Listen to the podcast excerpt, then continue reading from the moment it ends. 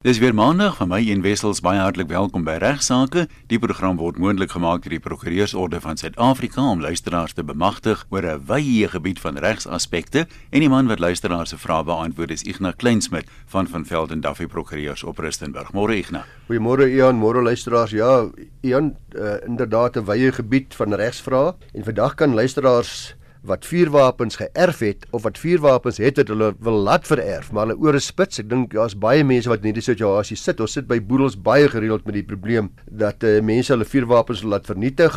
Hulle is nie lus vir die proses om 'n lisensie te kry nie ensovoorts. Nou ek het 'n baie goeie artikel raakgeloop uh, geskryf deur Charmaine Silje.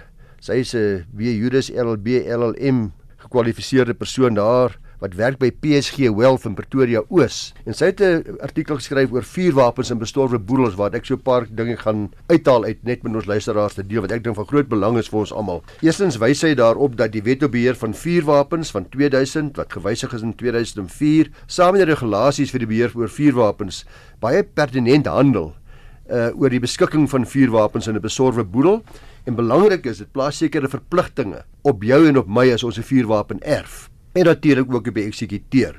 Daar sekerre prosesse wat gevolg moet word. Ek dink eerstens net vir mense wat na hulle testamente kyk en wat vuurwapens het. Miskien so 'n paar gedagtes van my kant af en ek dink dit word ook baie sterk gesteun in hierdie artikel. Ek het dit al voorheen nog gesê, wanneer jy besluit om 'n vuurwapen te vererf van iemand, die vraag is aan wie wie is die geskikte persoon? Jou familie of jou vriende of jou kleinkinders of jou kinders of wie ook nogal, is dit baie belangrik om 'n weldeurdagte besluit te neem. Nie net te besluit ek hou baie van daai een nie of daai enetjie het nie 'n vuurwapen nie of wat ook nog al nie want jy moet in ag neem dat die persoon wat gaan erf stabiele geskik moet wees om 'n toepaslike vuurwapen lisensie te bekom. So die ideale persoon om te kies is iemand wat al reeds byvoorbeeld oor die nodige bevoegdheidssertifikaat, dit is 'n vereiste voor mense 'n lisensie kan kry. Oor daai sertifikaat beskik, relevant tot die tipe wapen wat jy wil laat vererf of byvoorbeeld 'n handwapen of 'n jaggeweer of 'n haalgeweer. En indien daardie erfgenaam dan nie reeds oor so sertifikaat beskik nie, is dit baie keer wys om nogal vir hom te sê, "Wie wat ek wil hierdie vuurwapen laat vir. Wil jy hom graag hê?" Ek wil graag iemand om kry en ek stel voor jy begin so lank daaraan dink om maar 'n bevoegdheidssertifikaat vir aansoek te doen, maar dit gaan die proses vir almal, die oordrag van die lisensie en die bereddering van die boedel aansienlik vergemaklik as so 'n persoon reeds oor so 'n sertifikaat beskik wanneer jy te sterwe kom. Uh, dit verhoed dan ook dat die SAPS met dat hy die vuurwapen beslag lê omdat daar niks gebeur het nie, omdat dit nie oorgedra is nie. 'n Bevoegdheidssertifikaat luisteraars word onder andere slegs uitgereik indien die aansoeker ten minste 21 jaar oud is. Aan die ander wyse moet hy ook 'n Suid-Afrikaanse burger wees of hy moet die houer wees van 'n permanente Suid-Afrikaanse verblyfpermit. Uh, dan is hy 'n geskikte persoon om 'n vuurwapen te besit. So dis nou belangrik nogal want soveel mense verkeer nie dalk in 'n stabiele geestesstoestand nie. Dan gaan hy nie in staat wees om hy vuurwapen aan hom oorgedra te kry nie. En net soveel ouma oupas wil graag vir hulle kleinkind, hulle kleinseun, die vuurwapen laat vererf. Hou in gedagte hy moet 21 jaar oud wees voordat hy die vuurwapen lisensie kan kry. So is dalk baie keer beter om eers met jou kinders te gesels, die ma en die pa van daai kleinkind om te sê, "Wie wat ek wil hierdie kleinkind moet hom kry, maar ek gaan hom aan jou laat vererf." Jy my direkte kind wat 21 jaar oud is en wat gaan slaag met 'n met 'n lisensie, sodat jy hom weer vir my onderneem om wanneer die kleinkind 21 is, dan aan die kleinkind dit weer te skenk. Uh dis dis nodig uh ook om die lisensies wat die kinders reeds het in ag te neem, sowel as die waarskynlikheid dat die kind wat hom gaan kry ook 'n verdere vuurwapen lisensie sal kan bekom. Nogal belangrik. Dan 'n persoon wat 'n vuurwapen erf het 'n paar opsies. 'n Persoon wat 'n wettige gelisensieerde vuurwapen erf, dis sal normaalweg so wees. Baie keer erf kinders ook vuurwapens of mense erf wat onwettig is. Anderswoorde pa sê my vuurwapens in die kluis, bemaak ek aan Jannie en Sunny. Nou kom jy agter as jy lisensie nie, is onwettige vuurwapens daai. Natuurlik, dis 'n groot probleem.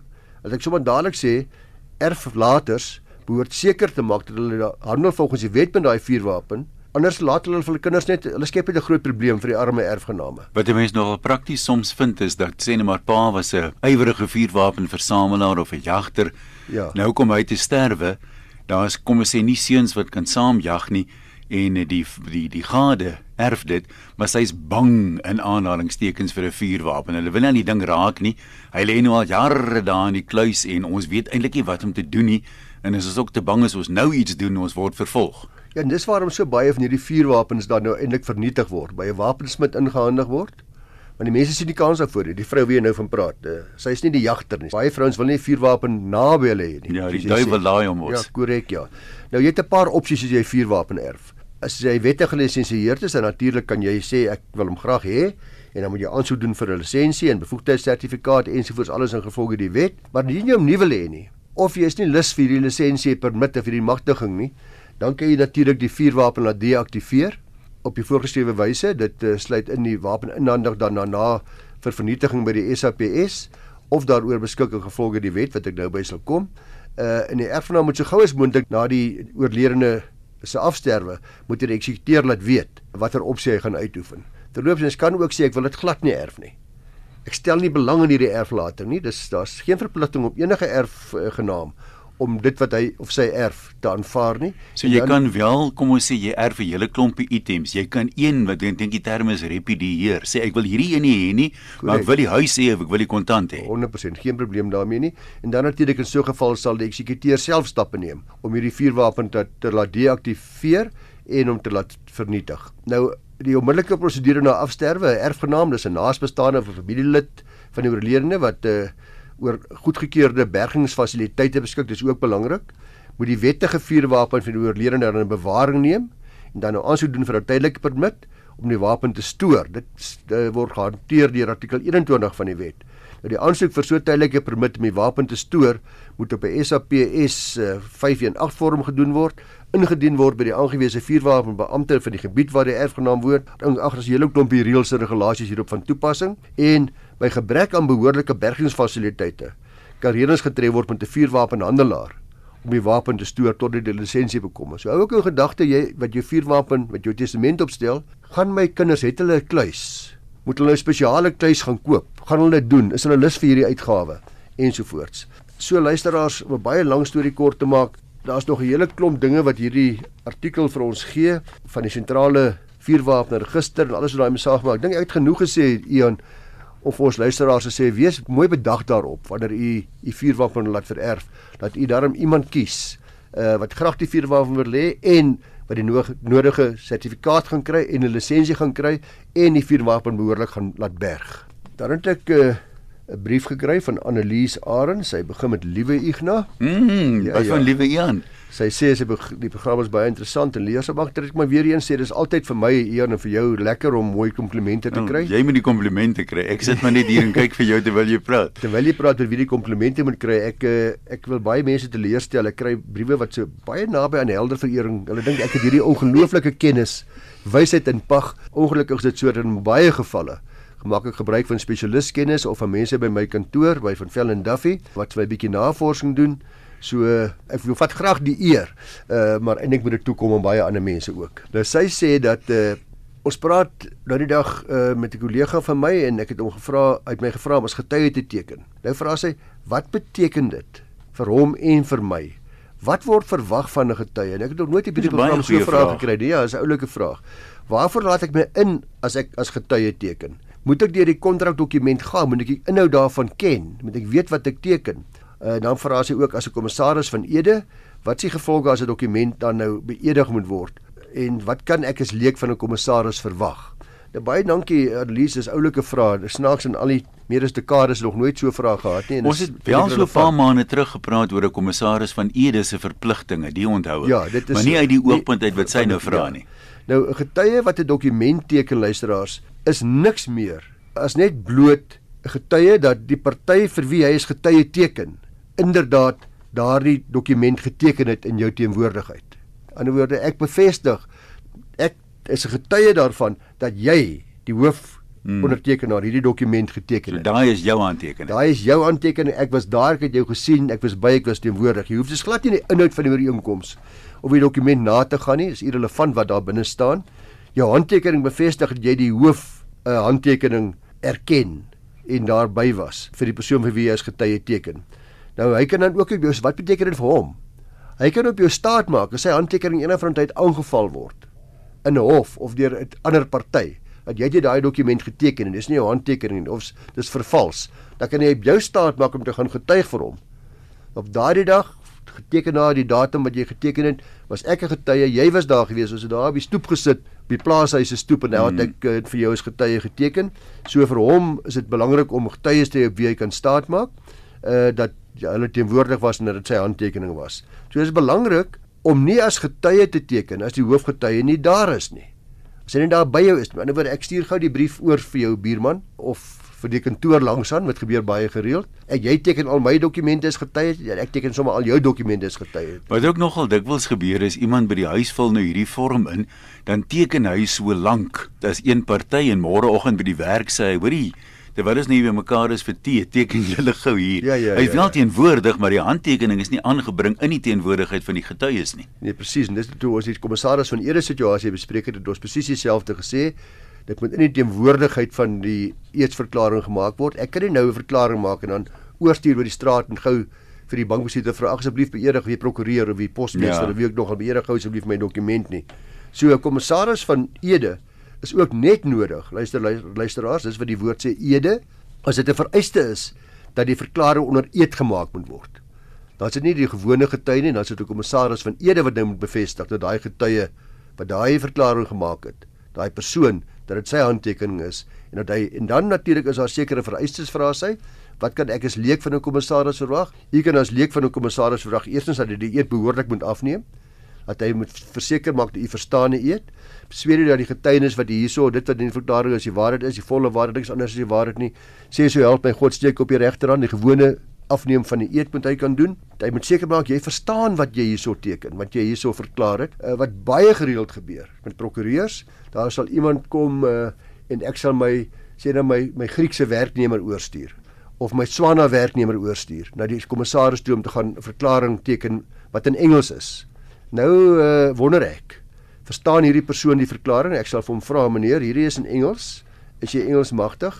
Ek sien jy's 'n Swana of ek sien jy's 'n Griek of ek sien jy's wat ek nog dit mag wees en ek sal dadelik seker maak dat hierdie persoon wel die taal magtig is waarin daardie verklaring wat ek moet beëdig opgestel is. Anders kan ek nie gou getuig daarna in hof. Ek kan net gou getuig dat dat dit beëdig is, maar kan nie getuig dat dit verstaan het, begryp het dit wat hy inderdaad daar verklaar nie. So weer eens belangrik, natuurlik dit spreek van self is geïmpliseer in my antwoord, mens moet teenwoordig wees. Ignas, daar's nou sekere dokumente soos testamente, koopkontrakte van vaste eiendom waar mense nou weet dan moet getuies teken. Baie mense doen dit soort van veiligheidshalwe. Ek koop nou kom ons sê jou ou rekenaar. En ons wil nou net gebeet bewys hê daar is betaling en dis nou dit is wettiglik nou myne. Moet iemand dan as getuie teken of kan 'n Nee. mens dan sê kom ons speel veilig. Ek kry iemand om te geteken as getuie. Dit gaan nie 'n probleem wees as jy 'n getuie laat teken terwyl hy nie werklik hoef te teken nie of hoe. Korrek, ja, absoluut so. Dis dit jy die woorde gebruik veiligheidshalwe en miskien maar sê ex abutando cautela uit oormatige versigtigheid ook, maar daar's geen vorm vereistes vir die meeste kontrakte nie. Testament is 'n baie belangrike uitsondering. 'n uh, Koopkontrak moet op skrif wees, byvoorbeeld 'n koopkontrak genoem. Daar is nie 'n vereiste vir as getuies nie, maar in feite alle koopkontrakte sal jy merk daar is tog getuies wat onderteken. By 'n by 'n testament moet daar twee getuies wees uh, wat in teenwoordigheid van die testateur en in mekaar se teenwoordigheid daai dokument onderteken. Terloops ook dit, dit sal 'n klomp keer gesê en elke keer nog maak mense dieselfde fout. 'n Getuie mag nie 'n begunstigde wees nie. Ander roep gou die kinders. Die minder meerderjarige kinders, hulle gaan sommer gou die testament gou as getuies teken en die een kind is die hooferfgenaam. Hy kind gaan nie erf nie. Tragies, maar dit is so, so baie belangrik, maar jy's reg, dis gewoonlik uh, net uit oormatige versigtigheid en is ook is goed om getuies te kry uh, vir die rede om te bewys dat jou handtekening minstens. Al is daar twyfel is of jy dink daar gaan die dokument gaan bevraagteken word of aangeval word, is dit nogal goeie advies om 'n getuies te hê. Ek glo jy's niemand wat luister wat nie al baie gegrief was deur die talle nuusberigte wat handel met die toekenning van onwettige staatskontrakte aan verdagte individue of entiteite nie, is iets verskrikliks. Dit wil net nie ophou nie. Maar vandag wil ek dalk uh, hierdie begin van Desember dalk so goeie nuus met ons luisteraars deel. Dat dit is ons howe neem nogal kennis van hierdie probleme en probeer hulle bes om stappe te neem om dit te bekamp en reg te stel en ek gaan dit bewys deur te kyk na die konstitusionele hofsaak wat onlangs uh, bereg is in die saak van Buffalo City Metropolitan Municipality uh, teen Asla Construction eienaars beperk uh, waar bevind is dat staatsinstansies wat hulle eie toekennings wil hersien in die lig van die feit dat vorige toekennings moontlik onregmatig was dit selfs na verloop van 'n hele klompie jaar mag doen. Aan die ander woorde Ek kom by staatsinstelling, ek's nie aangestel, ek kom agter daar was 'n klomp dinge wat skeef geloop het oor baie jare heen. Staatskontrakte is toegeken, uh, korrupte kontrakte is toegeken aan mense en nou is die vraag wat die hof moes beantwoord, kan ek nog iets daaraan doen omdat dit moontlik onregmatig was?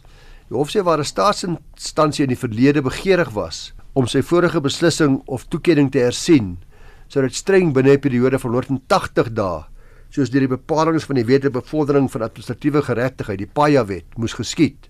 Uh die doel of motivering vir so 'n kort tydperk is natuurlik om vir albei kontrakspartye regsekerheid te gee en om lang vertragings te voorkom. Daarteenoor luisteraars is hersiening gegrond op 'n beginsel van wettigheid en geldigheid, nie gebonde sê ons konstitusionele op aan 'n vasgestelde periode nie. In hierdie geval van Buffalo City Metropolitan Municipality, municipality is die wettigheid van 'n kontrak oorweeg waar daar reeds 'n periode van meer as 4 jaar vanaf die toekenning daarvan verloop het.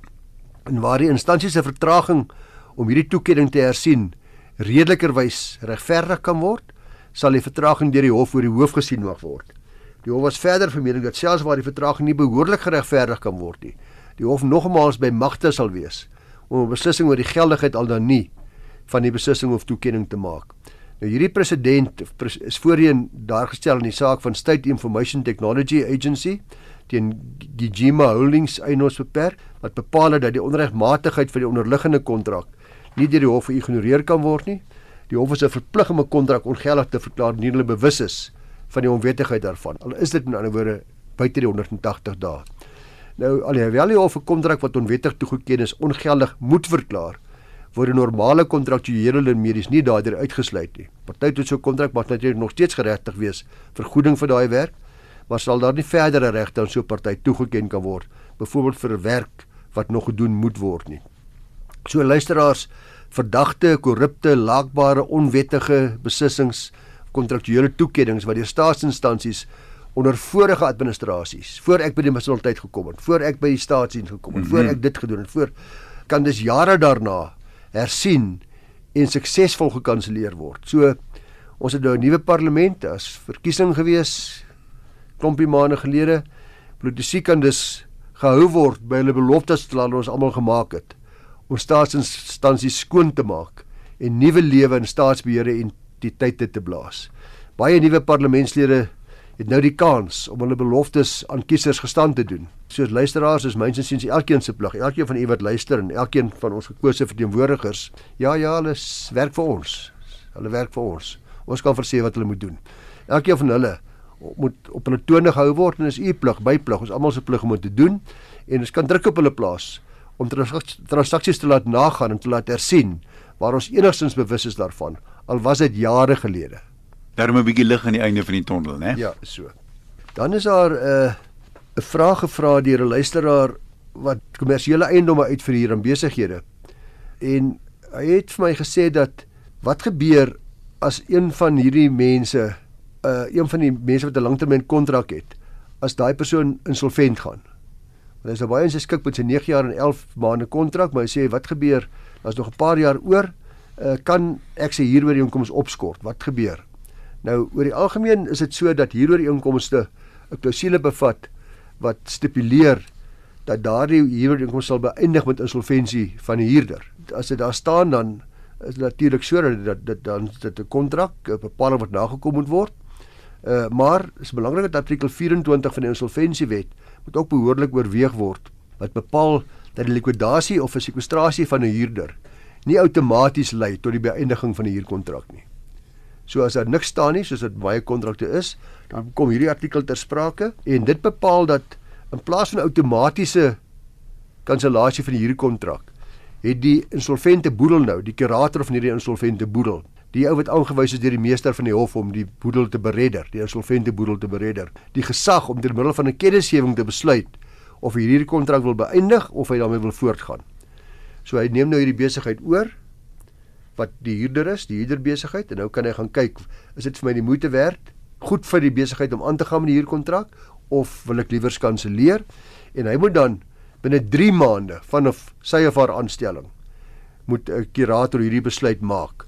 Dit beteken dat 'n verhuurder dus nog soveel as 3 maande moet wag voordat uh, hy kan iets doen want die trustees moet dan eers hulle besluit neem om te besluit of hierdie kontrak aan kan gaan of nie. As die opsie egter nie beskikbaar is nie en die huurder word insolvent verklaar, dan sal die verhuurder dus geen keuse hê anders as om met trustee van die insolvente boedel te kontak en navraag te doen of hierdie huurkontrak sal voortduur nie. Wat is jou keuse meneer? Wil jy aangaan met die kontrak? Wil jy kanselleer? En uh gelukkig daarom vir verhuurders alle huur sal verskuldig bly onder die huidige die bestaande huurkontrak. Dit sal betaal word as kostes van die administrasie wat 'n voorkeurhuis is. En uh dis sal die verhuurder betaal word uh voor die versekerde op preferente skuldeisers heel eerste van die insolvente boedel totdat die kurator besluit het jammer ons stop net die huurkontrak. 'n Nuusbrief uh wat ek gekry het van Du Plessis van die Wesduisen Prokureur in Rustenburg verwys na die vraag wat om te doen as ek nou vergeet het om 'n kansellasieklausule in te sluit by my kontrak. Nou oor hierdie ewigdurende kontrak, dit hou vir altyd aan. Ons het al bietjie bespreek ook met hierdie die puntestelsels puntestelsels en daai soort van goeders. Wat doen mens dan? Nou hulle verwys na die saak van Plaaskem Eienaars Beperk versus Nippon Africa Chemicals Eienaars Beperk waar partye oor eenkoms gesluit het wat geen besonderhede gehad het, raak nie die duur daarvan nie. Dis 'n kontrak wat vir altyd of vir 'n ongespesifiseerde tydperk sou voortgaan. In daardie saak, nadat een van die partye kennis gegee het om die ooreenkoms te kanselleer, het die partye in die hof, het die partye die hof genader om te bepaal of hierdie ooreenkoms dalk 'n stilswygende of alternatiefelik geïmpliseerde bepaling het dat die ooreenkoms beëindigbaar is op redelike kennisgewing aan die ander party of al in die alternatief of dit so uitgelê moet word dat dit ewigdurend is. Die Hooggeregshof het bevind dat daar geen stilswygende of geïmpliseerde of ander klousule in hierdie kontrak was tot die effek dat die kontrak gekanselleer mag word nie en uh, gelas dat die kennisgewing van kansellasie dus uh, onwettig was, dat dit sonder enige uitwerking was. Dis toe appelhof toe en hier moes die hoogste hof van appel toe nou besluit of die kontrak wel so stilswygende bepaling bevat tot die effek dat die kontrak deur enige van die partye beëindig kan word met 'n redelike kennisgewing. Die uh, appelhof sê as men na vier faktore kyk om te besluit of daar so 'n bepaling in 'n kontrak is al dan nie. Eerstens die taal wat die partye gebruik het of waar enige uitdruklike terme is of geïmpliseerde terme is. Tweedens wat die bedoeling van die partye was by die sluiting van die kontrak. Derdens wat die aard van die verhouding tussen die partye is en dan natuurlik ook kyk dat die omliggende omstandighede toe deur die inkomste aangegaan is. Nou in hierdie spesifieke saak het die appel op bevind dat dit noodsaaklik is vir 'n stilswygende bepaling om ingevoer te word wat 'n redelike kennisgewing beëindiging deur die partye toelaat. Die hof het egter gewaarsku dat bepaling nie ingevoer kan word maar eenkos waar binne dit dan teenstrydig is met ander uitdruk, uh, uitdruklike bepalinge sal wees nie. So luisteraars in die situasie van uh, die persoon wat gevra het wat nou van uh, die ooreenkoms wat baie hastig opgetrek is, daar's 'n vervaardigingsooreenkoms sê hy uh, en nou sê dit dit daar's dis vir altyd. Uh, in so 'n situasie sal dit raadstewe om jy prokureur te gaan vra om die kontrak te laat hersien uh, en te bepaal of enige gronde is vir kansellasie of beëindiging van die ooreenkoms en of daar dalk meriete is om die hof te nader om vir die hof te vra dat daar 'n stilswygende bepaling in hierdie kontrak is. Ek sou raai in die meeste kontrakte van hierdie aard waar daar versuim is om 'n kontrak se beëindiging klousule in te sit, sal die hof waarskynlik uh, bepaal dat dat 'n redelike kennisgewing deur enige van die partye van beëindiging toelaatbaar sal wees. Ignas, is altyd sê ek vir jou baie dankie en dis alwaar vir ons gaan tyd hê vandag. Onthou elke program van regsaake is beskikbaar as potgooi op RSG se webwerf rsg.co.za en jy kan jou vrae vir beantwoording direk vir Ignas stuur na igna@ffd.co.za. Hou net in gedagte dat Ignas nie namens jou as prokureur kan optree nie en dat dit 'n maand of 2 kan vat voor ons by jou vraag uitkom. Daai adres net weer igna@ffd.co.za. Mooi loop.